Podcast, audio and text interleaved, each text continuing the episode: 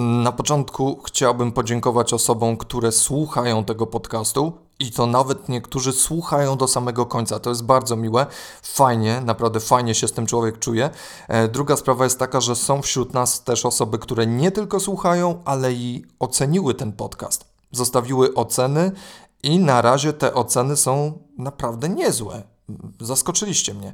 Więc mam nadzieję, że dalej będę trzymał ten całkiem niezły poziom i poniżej nie zejdę. Na wstępie chciałbym zaznaczyć, że nie, nie należę do kościoła Czesława Michniewicza. Nie, nie mam w pokoju takiego wielkiego portretu nowego selekcjonera i nie, nie biję przed nim pokłonów. Czy mi się wydaje, powiedzcie mi, czy w tym kraju zawsze w każdym temacie musisz być po prostu po jednej albo po drugiej stronie, ale w taki wiecie, skrajny sposób.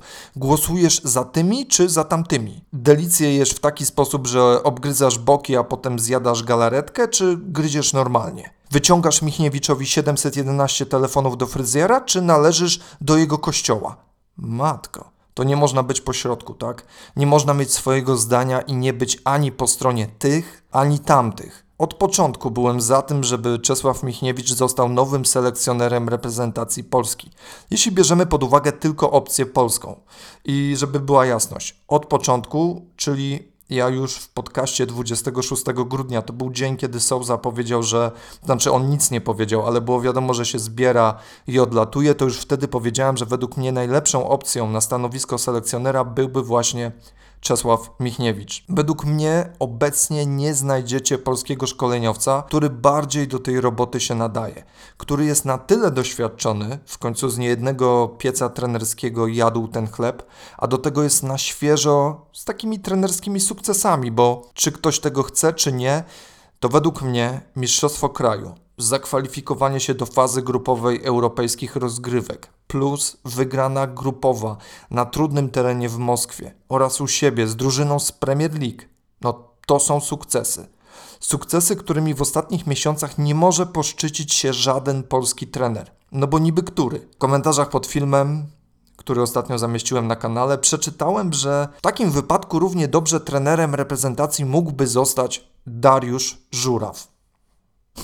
Poczekajcie, powtórzę. Dariusz Żuraw. Facet, który dostał do prowadzenia jedną z najlepszych drużyn w kraju, taką co to w każdym sezonie ma się bić o mistrza i nie zdobył z nią nic. Owszem, w fajnym stylu zakwalifikował się do fazy grupowej Ligi Europy, tego nie można mu odebrać. Ale tam, jeżeli mnie pamięć nie myli, to już zupełnie dał ciała. Czego potwierdzeniem był ten śmieszny mecz z Benficą w Lizbonie. Po drugie, umówmy się, grupa ze Standardem, Benficą i Rangersami to jednak trochę inna półka niż Spartak Leicester i Napoli. Dobra, zostawmy Żurawia, bo całe szczęście nikt nie wpadł na chory pomysł selekcjonera Żurawia. Całe szczęście. Przejdźmy do Michniewicza. Cały czas słyszę, że jak Michniewicz może być selekcjonerem, jak to tak? Jakie on tam sukcesy? Przecież on zostawił Legię w strefie spadkowej. O tam, proszę, spójrz w tabelę, zobacz. No to teraz na spokojnie jako kibic Legii powiem Wam, co o tym myślę. Sezon 2021-2022 tutaj w Warszawie to sezon, w którym wszystko się po prostu pięknie roz... Z różnych szaf powypadały różne trupy. I co najgorsze, wszystkie w jednym momencie, tak jakby, nie wiem, no, no, no naj, naj, najgorzej, no jakby Mioduskiego dopadła jakaś klątwa, jakiś pech. I to nie jest tak, że winny jest tylko Michniewicz, że to absolutnie tylko jego jednego wina.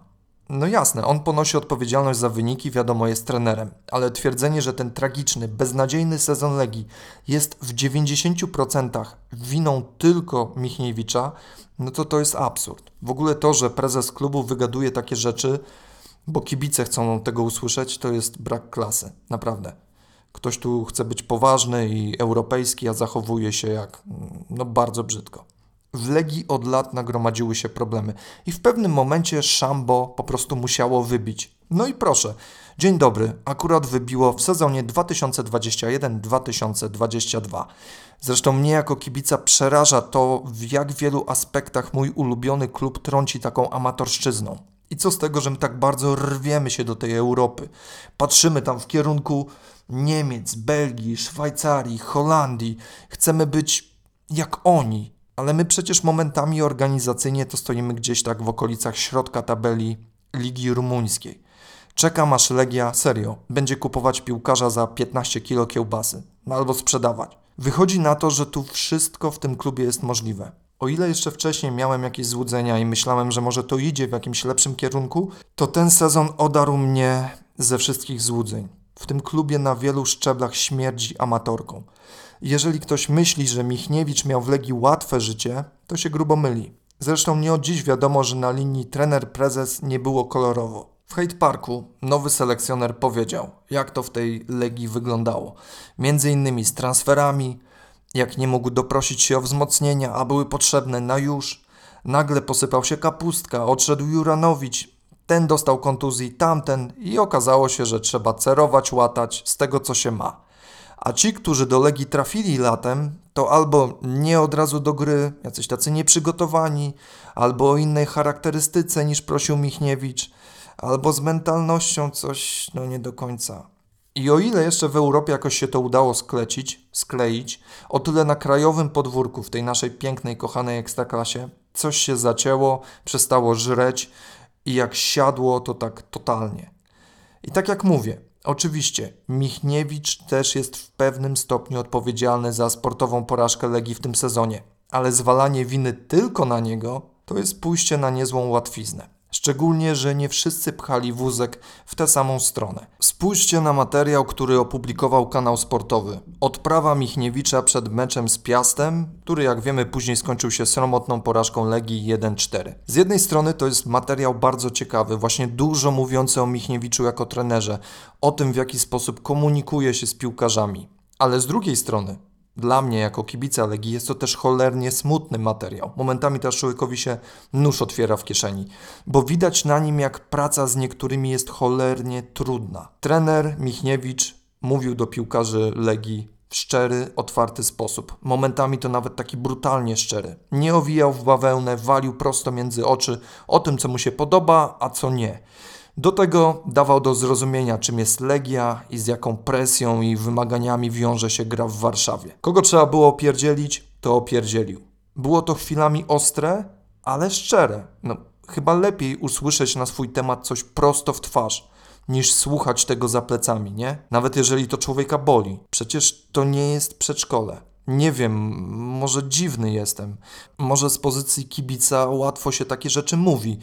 Ale właśnie w tej przemowie Michniewicza, którą można zobaczyć na filmiku, jest według mnie wszystko to, co jako kibic chciałbym przekazać piłkarzom na takiej odprawie, w takiej sytuacji, gdzie klub dołuje, gdzie drużynie nie idzie, bez jakichś zabaw, niedopowiedzeń, po prostu jedziemy i walimy prosto z mostu. I teraz, na miejscu takiego piłkarza, który tego słucha, albo to sobie weźmiesz do serca i będziesz zapierdzielać dwa razy mocniej, albo się obrazisz i nie będziesz już za trenera umierać na boisku, bo skrytykował cię po nazwisku i powiedział, co masz poprawić w swojej grze. Dobra, to może już zostawmy Legię, już nie kopmy leżącego, chociaż mam nadzieję, że już niedługo Legia wstanie pod batutą Wukowicza. Przejdźmy do tego hate parku, który odbył się 1 lutego na świeżo zaraz po zaprezentowaniu Czesława Michniewicza. Moje przemyślenia po tym programie są takie. Można Michniewicza lubić albo nie, ale na pewno nie można mu zarzucić jednego,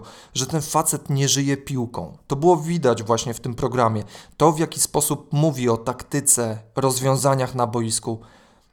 Nie dość, że się zna i wie o czym mówi, co jest bardzo ważne, to mówi też w bardzo ciekawy sposób. To jest tak podane, przynajmniej tak było podane, że ja jak sobie siedziałem taki zwykły lipiński u siebie w domu przed komputerem, to byłem w stanie to zrozumieć. To było podane w jasny, przejrzysty sposób, wszystko było klarowne.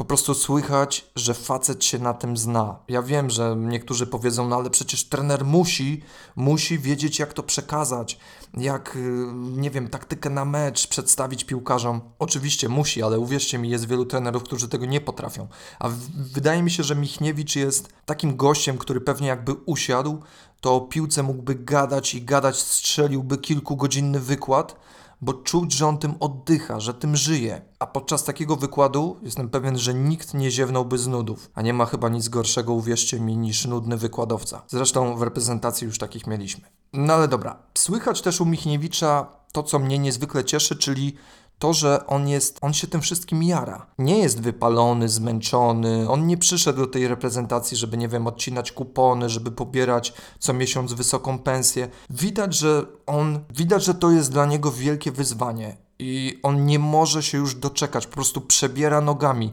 żeby tylko rzucić się w wir tej roboty, pracy i zacząć tak rozpracowywać tych wszystkich rywali i już być gotowym, przygotowanym na nadchodzące mecze. Bo to jest właśnie kolejny atut Michniewicza. Facet jest po prostu pracusiem.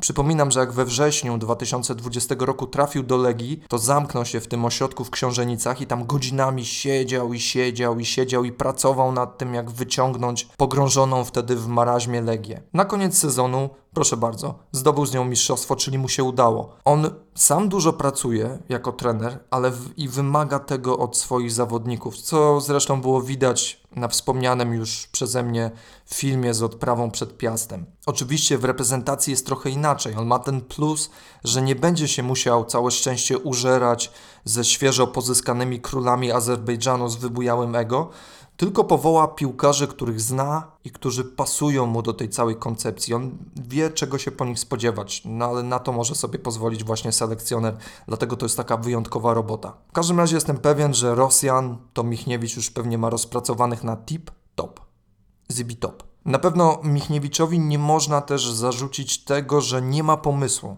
że nie ma jakiejś tam swojej filozofii, wizji gry. I podoba mi się to, że on otwarcie mówi, że czerpie od innych, od Bielsy, Klopa czy Conte, że nie, nie ściemnia tam czegoś, że on tam siedzi coś. Oczywiście to jest, bierze od nich jakąś filozofię, jakieś podejście, ale on to wszystko robi takie w swojej Michniewiczowej wersji, wiadomo. Ale podoba mi się to, tak? Otwarcie mówi, ej, tutaj, nie wiem, tu są jacyś tacy moi trenerscy e, mentorzy, e, z których czerpię. Uważam że, uważam, że to jest naprawdę spoko. To teraz na koniec, bo wydaje mi się, że już długo gadam i nie chcę Wam też e, czasu zajmować. Chciałbym jeszcze wrócić do tematu krytyki, która spadła i cały czas spada na nowego selekcjonera. Bo trochę mnie ta cała sytuacja bawi, co nie ukrywam i już mówiłem o tym w filmie. Szczególnie, że niektórzy nagle obudzili się z tym wszystkim, tak jakby Michniewicza nie było w polskiej piłce od dobrych kilku lat. Jakby go nie było, wiecie, była prokuratura i on później gdzieś tam schował się. I nagle teraz wyrósł z podziemi po latach. W ogóle nikt nie wiedział, co, co się z nim dzieje. I teraz nagle przejmuje reprezentację. Ale chwila, moment. Przecież Michniewicz egzystował w świecie polskiego futbolu. On był tu cały czas. Był tu, był tam, była młodzieżówka, ostatnio była Legia.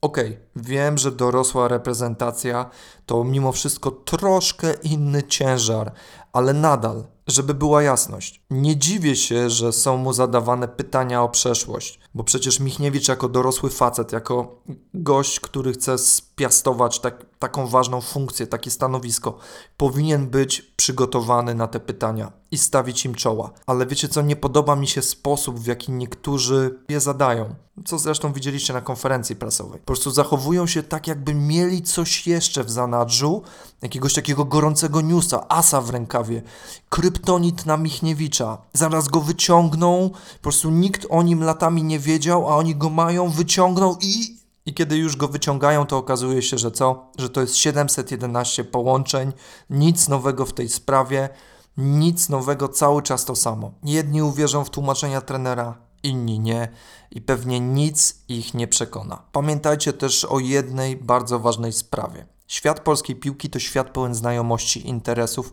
większych lub mniejszych.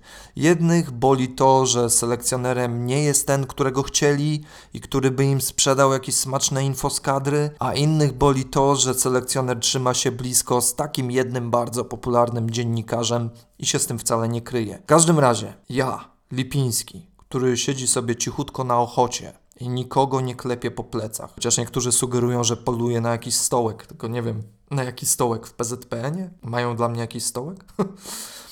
Zwyczajnie po ludzku trzymam kciuki za selekcjonera Michniewicza. Trzymałem za niego kciuki w Legii i będę robić to też teraz. Po prostu będę mu kibicować. To wszystko. To jeszcze na koniec, słuchajcie, mam dla Was taką scenę jak w Marvelu po napisach. Załóżmy taką sytuację.